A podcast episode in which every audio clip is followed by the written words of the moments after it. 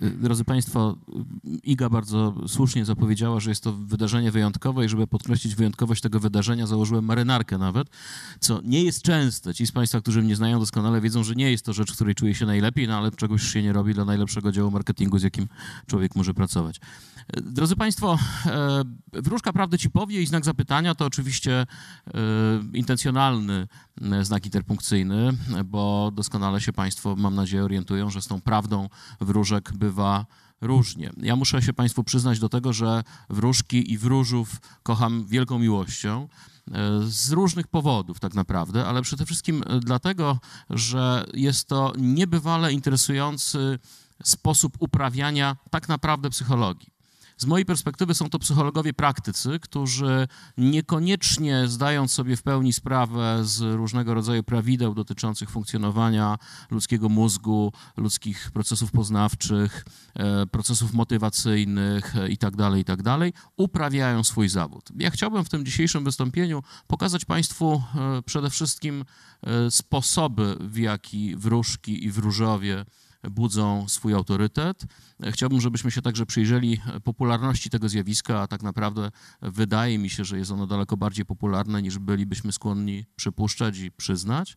Ale także chciałbym, żebyśmy zadali sobie jedno bardzo proste pytanie. Pytanie, które ja sobie wielokrotnie zadawałem w czasie studiów w taki dosyć specyficzny sposób. Otóż, e, kiedy ja jeszcze studiowałem, to zajęcia z fizjologii e, mieliśmy z pewną panią doktor, która zadawała bardzo poważne pytanie metodologiczne, e, które brzmiało: Co Bułgar z tego ma? Ja nie wiem, dlaczego akurat Bułgarzy byli ulubioną nacją e, pani doktor, ale generalnie kazała nam zawsze zadawać sobie pytanie, jakie korzyści odnosi człowiek wykonując pewne czynności, albo ufając pewnym ludziom, albo podejmując pewne decyzje w swoim życiu. I chciałbym, żebyśmy patrzyli na korzystających z wróżek i wróżów e, jako na ludzi, którzy realizują w ten sposób pewne swoje potrzeby. Jakie? No to jest pytanie, na które także poszukamy odpowiedzi. Zacznijmy, drodzy Państwo, od pewnego obrazu zjawiska. Otóż Puls Biznesu, czyli jedna z dość wiarygodnych polskich e, gazet zajmujących się pieniędzmi i biznesem w ogóle, e, przeprowadził pewne badania, z których wynika, że Polacy wydają rocznie na wróżby 2 miliardy złotych. E, dla tych z Państwa, którzy nigdy nie operowali miliardami złotych, a myślę, że wszyscy się do tej grupy zaliczamy, e, warto przypomnieć, że Polacy, bardzo lekomański naród, rocznie wydaje na tak zwane leki OTC, czyli te wszystkie leki bez recepty, 8 miliardów złotych, czyli jedną czwartą tego wydajemy na wróżki i wróżów. Musicie Państwo przyznać, że jest to suma dość poważna, a w każdym razie na pewno suma, o którą warto się bić na rynku. E, ponad połowa Polaków, to są badania Sebosu, e, przyznaje e, się do tego, że czyta horoskopy w gazetach. Oczywiście nikt nikomu nie broni czytać słowa drukowanego, ale muszę Państwu powiedzieć, że jako człowiek, który ma pewne doświadczenie w mediach, wiem, jak się te horoskopy pisze. Otóż horoskopy pisze się za karę.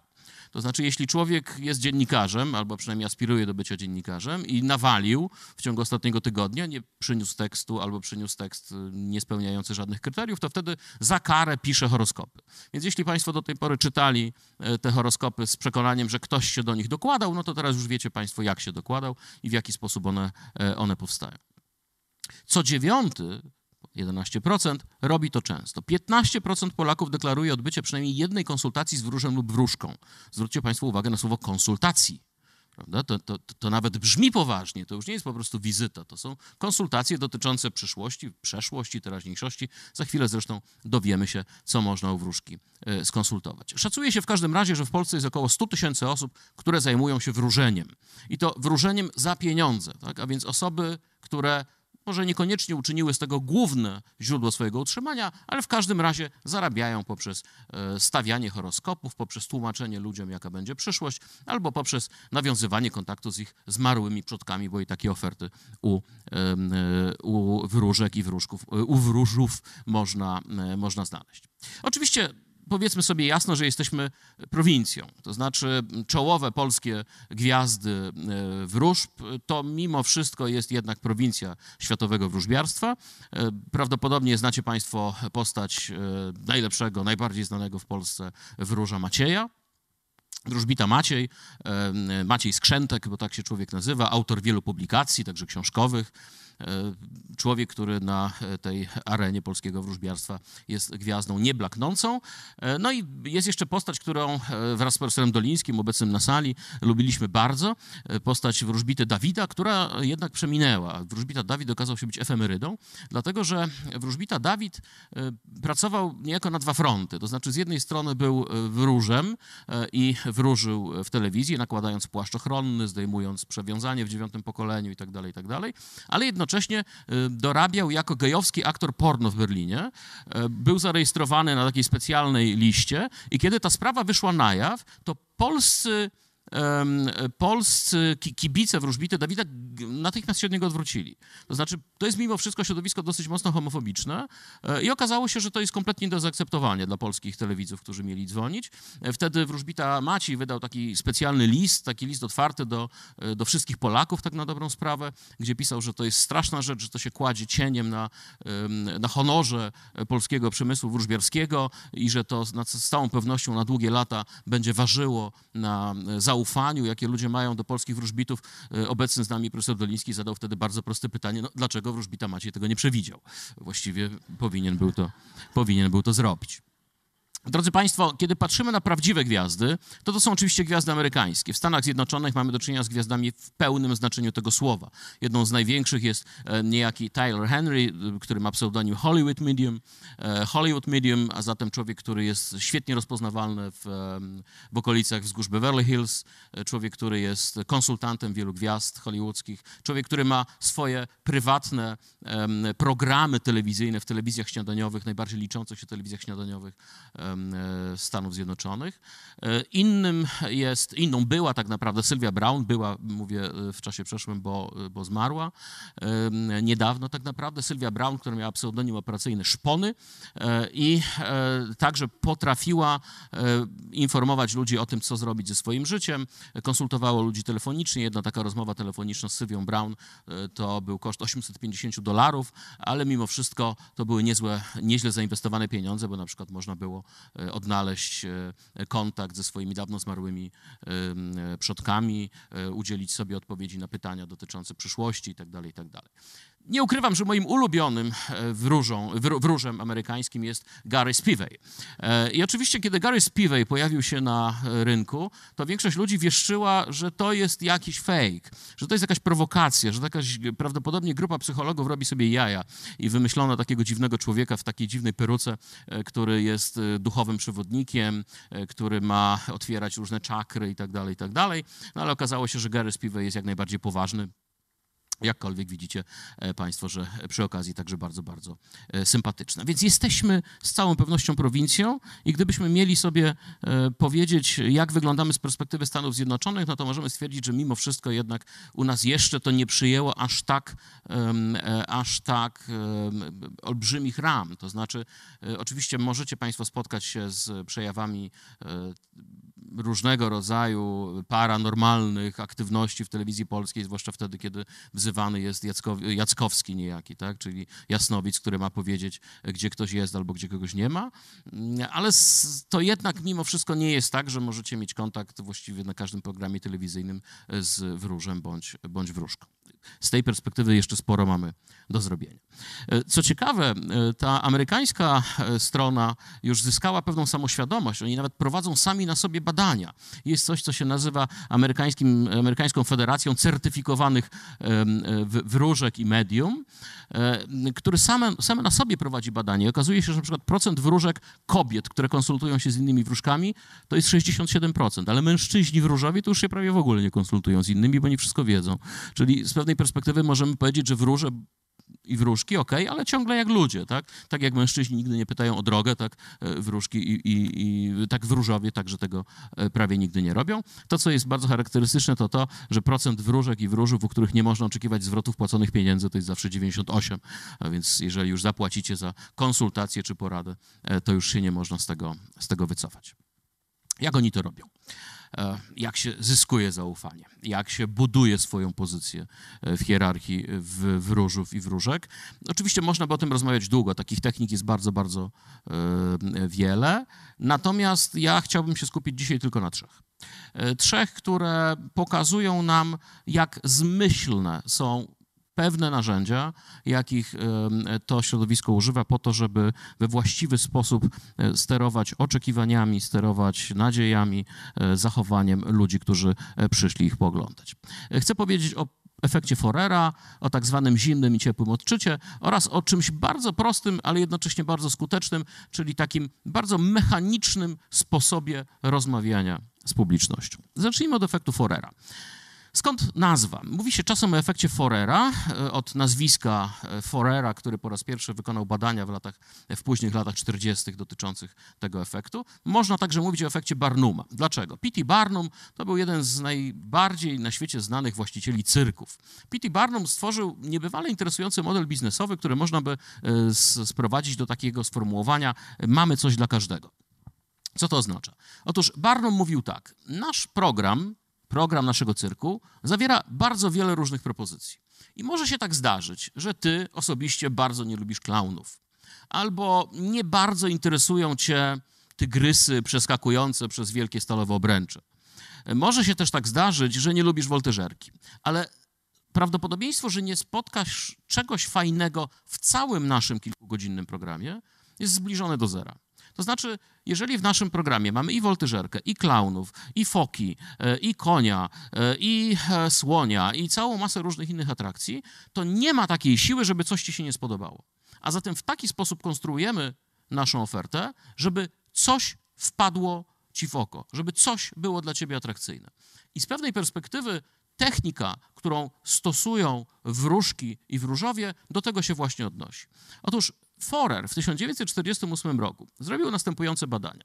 Przyszedł do swoich studentów e, i na wykładzie najpierw dał im pewien test, pewien kwestionariusz, który poprosił, e, o którego wypełnienie poprosił. Ludzie wypełnili ten kwestionariusz, po czym on na podstawie tego kwestionariusza stworzył tym ludziom opisy ich osobowości.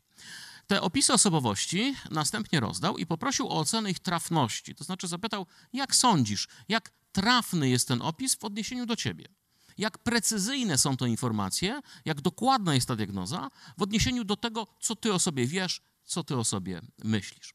Okazało się, że średnia trafność wynosiła 4,26 na skali od 1 do 5, a więc była niebywale wysoka. Ludzie uznawali, że te opisy to właściwie cali oni, że w precyzyjny sposób opisują to, co oni o sobie myślą, co oni o sobie wiedzą. Dosyć, dosyć dużym e, zaskoczeniem było dla nich e, zatem to, że wszystkie te opisy były dokładnie takie same. To znaczy, każdy z tych ludzi dostał dokładnie taki sam opis, a jednocześnie uznawał, że jest on niebywale precyzyjnie dopasowany do jego osobowości. Oczywiście możecie sobie Państwo zadawać pytanie, jak się robi taki opis. Proszę bardzo. To jest opis, którego używał Forer. Uwielbiasz być podziwiany, zawsze znajdujesz się w centrum zainteresowania, jesteś osobą krytyczną wobec siebie, masz wielki potencjał, który nie zamienił się jeszcze w twoje zalety. Dobrze umiesz zorganizować pracę sobie i innym. Masz wady, ale potrafisz je kompensować swoimi zaletami miewasz niekiedy problemy z przystosowaniem seksualnym. Mimo, że na innych robisz wrażenie osoby zdyscyplinowanej i samosterownej, czujesz się incydentalnie niepewny, niespokojny. Niekiedy masz poważne wątpliwości, czy podjąłeś dobrą decyzję i czy działasz we właściwy sposób. Zobaczcie Państwo, że tego rodzaju sformułowania pasują do wszystkich, pod warunkiem, że używa się pewnych określonych słów. Jakich? Czy zwrócili Państwo uwagę na pewne specyficzne słowa, które są tutaj niebywale często powtarzane? Są to słowa czasami, niekiedy, miewasz, zdarza się i tak dalej, i tak dalej. Przypomina mi to nieco prognozę pogody, przy czym moją ulubioną jest miejscami możliwe opady. Prawda? Zauważcie Państwo, że sprawdzalność takiej prognozy pogody jest stuprocentowa. To się nie może nie sprawdzić. Jeżeli opady są możliwe, to znaczy, że one będą albo nie. Trochę jak z tą prognozą Bacy dotyczącą, dotyczącą śniegu. Kiedy tego rodzaju sformułowania działają najskuteczniej? Otóż po pierwsze wtedy, kiedy badany jest przekonany, że zostały one przygotowane specjalnie dla niego. Zauważcie Państwo, że wszystkie, nawet najbardziej prymitywne sposoby wróżenia zakładają jakąś waszą aktywność. Co to znaczy? Nawet jeżeli macie ciocię, która wróży z waszych fusów po kawie, no to, to wy musicie te fusy zawie, zamieszać, zakręcić nimi. Jeżeli macie stryjenkę, która z kolei zajmuje się kartami tarota, to wy musicie te karty przełożyć, albo na nie chuchnąć, albo je potrzeć do siebie. Nawet jak chcecie mieć e, wydruk dziwacznego horoskopu z, takie, z takiej wielkiej mumii Tutenhamona, kiedyś można było coś takiego zobaczyć, był taki wielki sarkofag plastikowy i można było mieć horoskop, to należy włożyć dłoń. Oczywiście to nie ma żadnego znaczenia, bo nikt z nas nie wierzy w to, żeby tam był jakiś wybitny skaner dłoni, który będzie w stanie sprawdzić, jaką, jakie my mamy odciski palców, ale to wystarcza do tego, żeby dać ludziom przekonanie, że to jest specjalnie dla nas. E, to jest rzecz, która e, właśnie nas e, powinna opisywać. Po drugie, badany powinien wierzyć w autorytet analizującego. Co to znaczy? Ano to znaczy, że my powinniśmy mieć do wróżki bądź wróża minimum zaufania jak się takie zaufanie buduje. Bardzo wiele jest narzędzi, które pozwalają to zrobić. Ja powiem tylko o jednym. Zauważyliśmy, kiedy badaliśmy wróżki, że dość często wróżowie i wróżki wykonują następujący trik. Otóż, kiedy przychodzi do nich po raz pierwszy jakaś osoba, której oni jeszcze nie znają, to oni wtedy mówią: Ja nie będę panu, pani wróżył. E, dlaczego? pyta ta osoba. No, dlatego, że czuję, że pan mi nie ufa. Ja nie wezmę od pana pieniędzy proszę wyjść i może pan wrócić, kiedy pan będzie miał naprawdę przekonanie, że możemy razem pracować. Zauważcie państwo, że jest to paradoksalnie niebywała inwestycja. Odmówienie tych 50 czy 100 zł z perspektywy wróżki jest żadną stratą, zwłaszcza z perspektywy tego, co się wydarzy później. Musicie państwo sobie bowiem wyobrazić, że do wróżki się czeka, jest tam poczekalnia, na której, w, w, której to poczekalni siedzą ludzie i dyskutują o tym, co się właśnie dzieje. Kiedy wychodzi człowiek po trzech minutach, a powinien po powiedzmy 15, najpewniej zapytają go, co się wydarzyło. On wtedy powie, nie chciała mi powróżyć. Dlaczego? zapytają ludzie. Powiedziała, że chyba jej nie ufam. O, widzi pan? Powiedzą wszyscy. Mówiłem, to jest prawdziwa wróżka, to jest prawdziwy wróż. Ona nie, jej nie chodzi tylko o pana pieniądze, jej chodzi o pana dobro. Musi pan jej naprawdę zaufać, żeby ona chciała z panem pracować. Bardzo prosty sposób, jednocześnie bardzo skuteczny. No i oczywiście nie powinno państwa specjalnie dziwić, że za najbardziej trafne będą uważane takie prognozy, które opisują głównie pozytywne cechy, które dają um, pewne dobre informacje. E, które mówią o nas dobre rzeczy. To są te e, kwestie, których my chcemy słuchać. To są te rzeczy, na temat których my chcemy później rozmawiać. A więc jeżeli ta analiza, ta diagnoza zawiera takie sformułowania, jak masz pewne wady, które nie zmieniły się jeszcze w twoje zalety, no to oczywiście wszyscy będziemy chętnie chcieli czegoś takiego słuchać. To jest autentyczne zdjęcie, pokazujące Państwu, że wróżyć można z bardzo wielu elementów. Wróżenie z kart, kulą, starota, zdejmowanie e, klątw i uroków. Znam, jak schudnąć bez diety. No, to ja właściwie też powinienem zatelefonować. E, znam, jak odmłodzić się, porady miłosne, życiowe, starożytna pomoc rybami. To jest rzecz, która mnie zawsze fascynowała i właściwie tylko dlatego powinniśmy chociażby do tej, do tej osoby zatelefonować.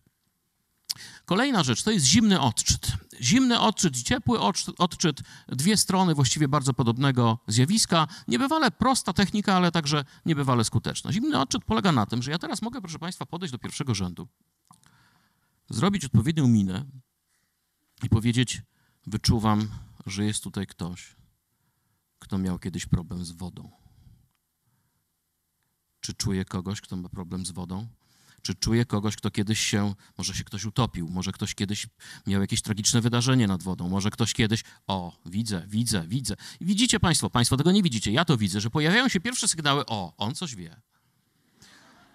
Gdybym tylko poprowadził tę narrację nieco dłużej, to okazałoby się, że odczytując pewne subtelne sygnały płynące z otoczenia, jestem w stanie w dosyć precyzyjny sposób zdiagnozować, że ktoś się kiedyś podtopił, na przykład będąc, będąc na wycieczce gdzieś nad jeziorem albo nad morzem, albo ktoś się zachłysnął kiedyś wodą i później wylądował w szpitalu. Oczywiście rzucając tego rodzaju sformułowania i sprawdzając, jak ludzie na te sformułowania reagują, jestem w stanie naprawdę bardzo precyzyjnie zdiagnozować, co się tutaj tak naprawdę wydarzyło. To jest zimny odczyt, kiedy ja nic nie wiem o ludziach, którzy przychodzą na takie spotkanie jak dziś. Ale zastanawiamy się nad tym, czy od następnego spotkania nie poprosić Państwa o wypełnienie pewnej ankiety. Ankiety, w której przekażecie Państwo kilka informacji dotyczących e, tego, jaka jest Wasza historia, e, skąd pochodzicie i tak dalej, i tak dalej. I to wtedy stanie się ciepły odczyt. To znaczy, mając informację o tym, że na sali jest ktoś, kto pochodzi z bardzo małej miejscowości, ja jestem w stanie tę osobę odnaleźć na tej sali bez specjalnych trudów, no bo kiedy zacznę pytać, czy ktoś tutaj jest na przykład, nie wiem, z Łysobyków albo z jakiegoś innego dziwnego miejsca, e, to jestem w stanie takich ludzi bardzo łatwo odnaleźć. A zatem używanie tego rodzaju technik, techniki zimnego odczytu i techniki gorącego odczytu, czy ciepłego odczytu, to jest kolejna rzecz, która sprawia, że ludzie dużo bardziej wierzą w to, co wróżka bądź wróż są w stanie im powiedzieć.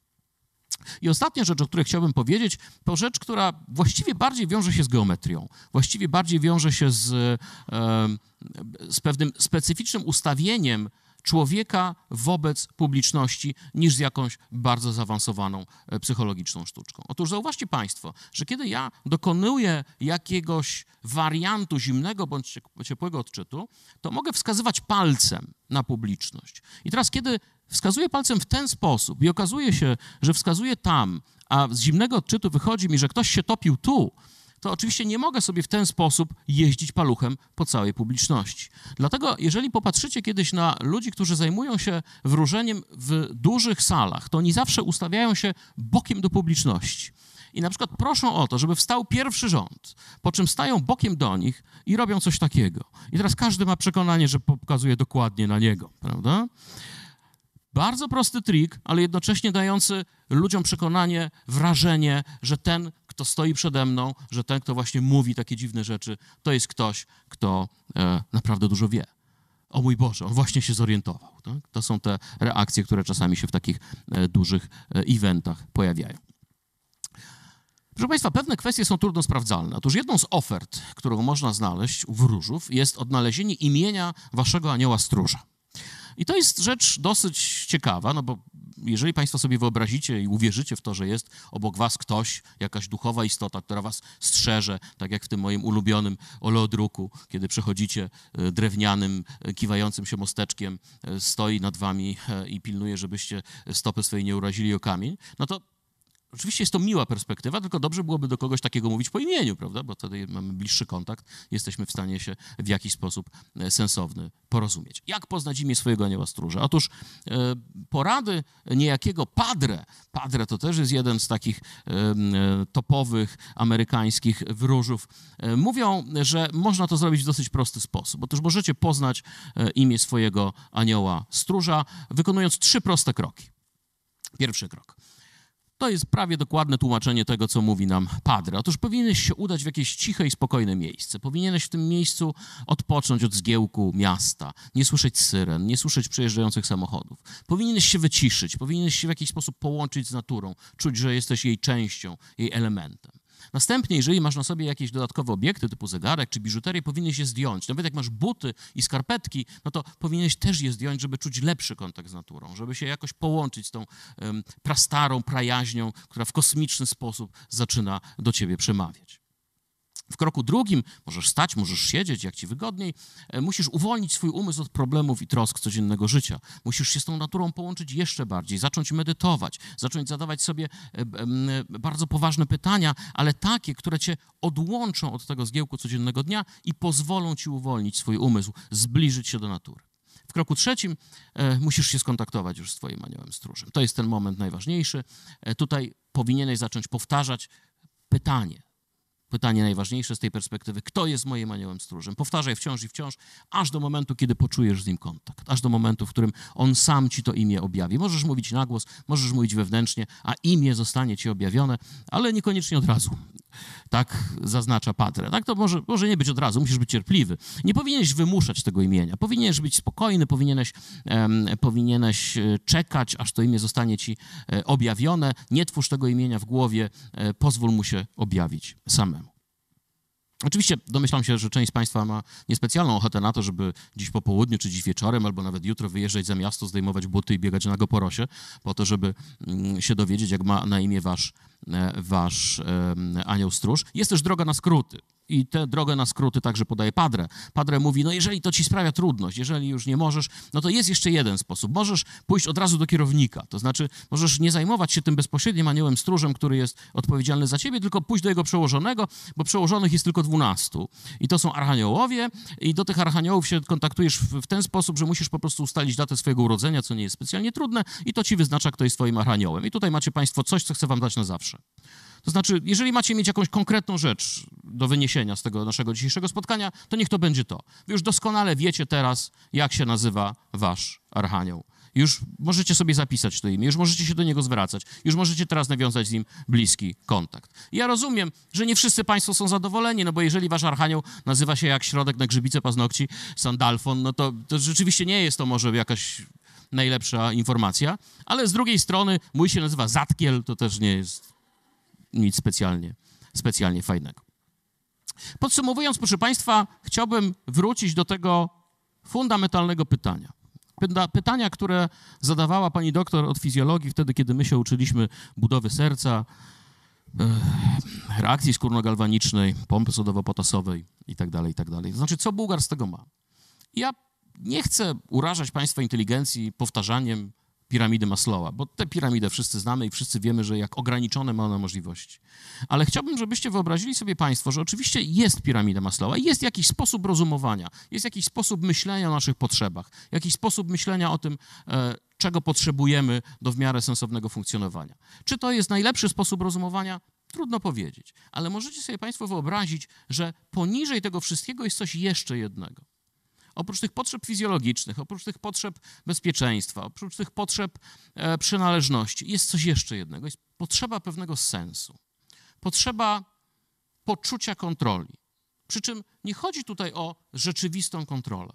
Nie chodzi o to, że przyjdziesz do wróżki i wróżka ci powie: e, Słuchaj, e, będzie tak i tak, i ty będziesz w ten sposób reagował, będziesz podejmował takie decyzje, które sprawią, że będzie inaczej. Nie.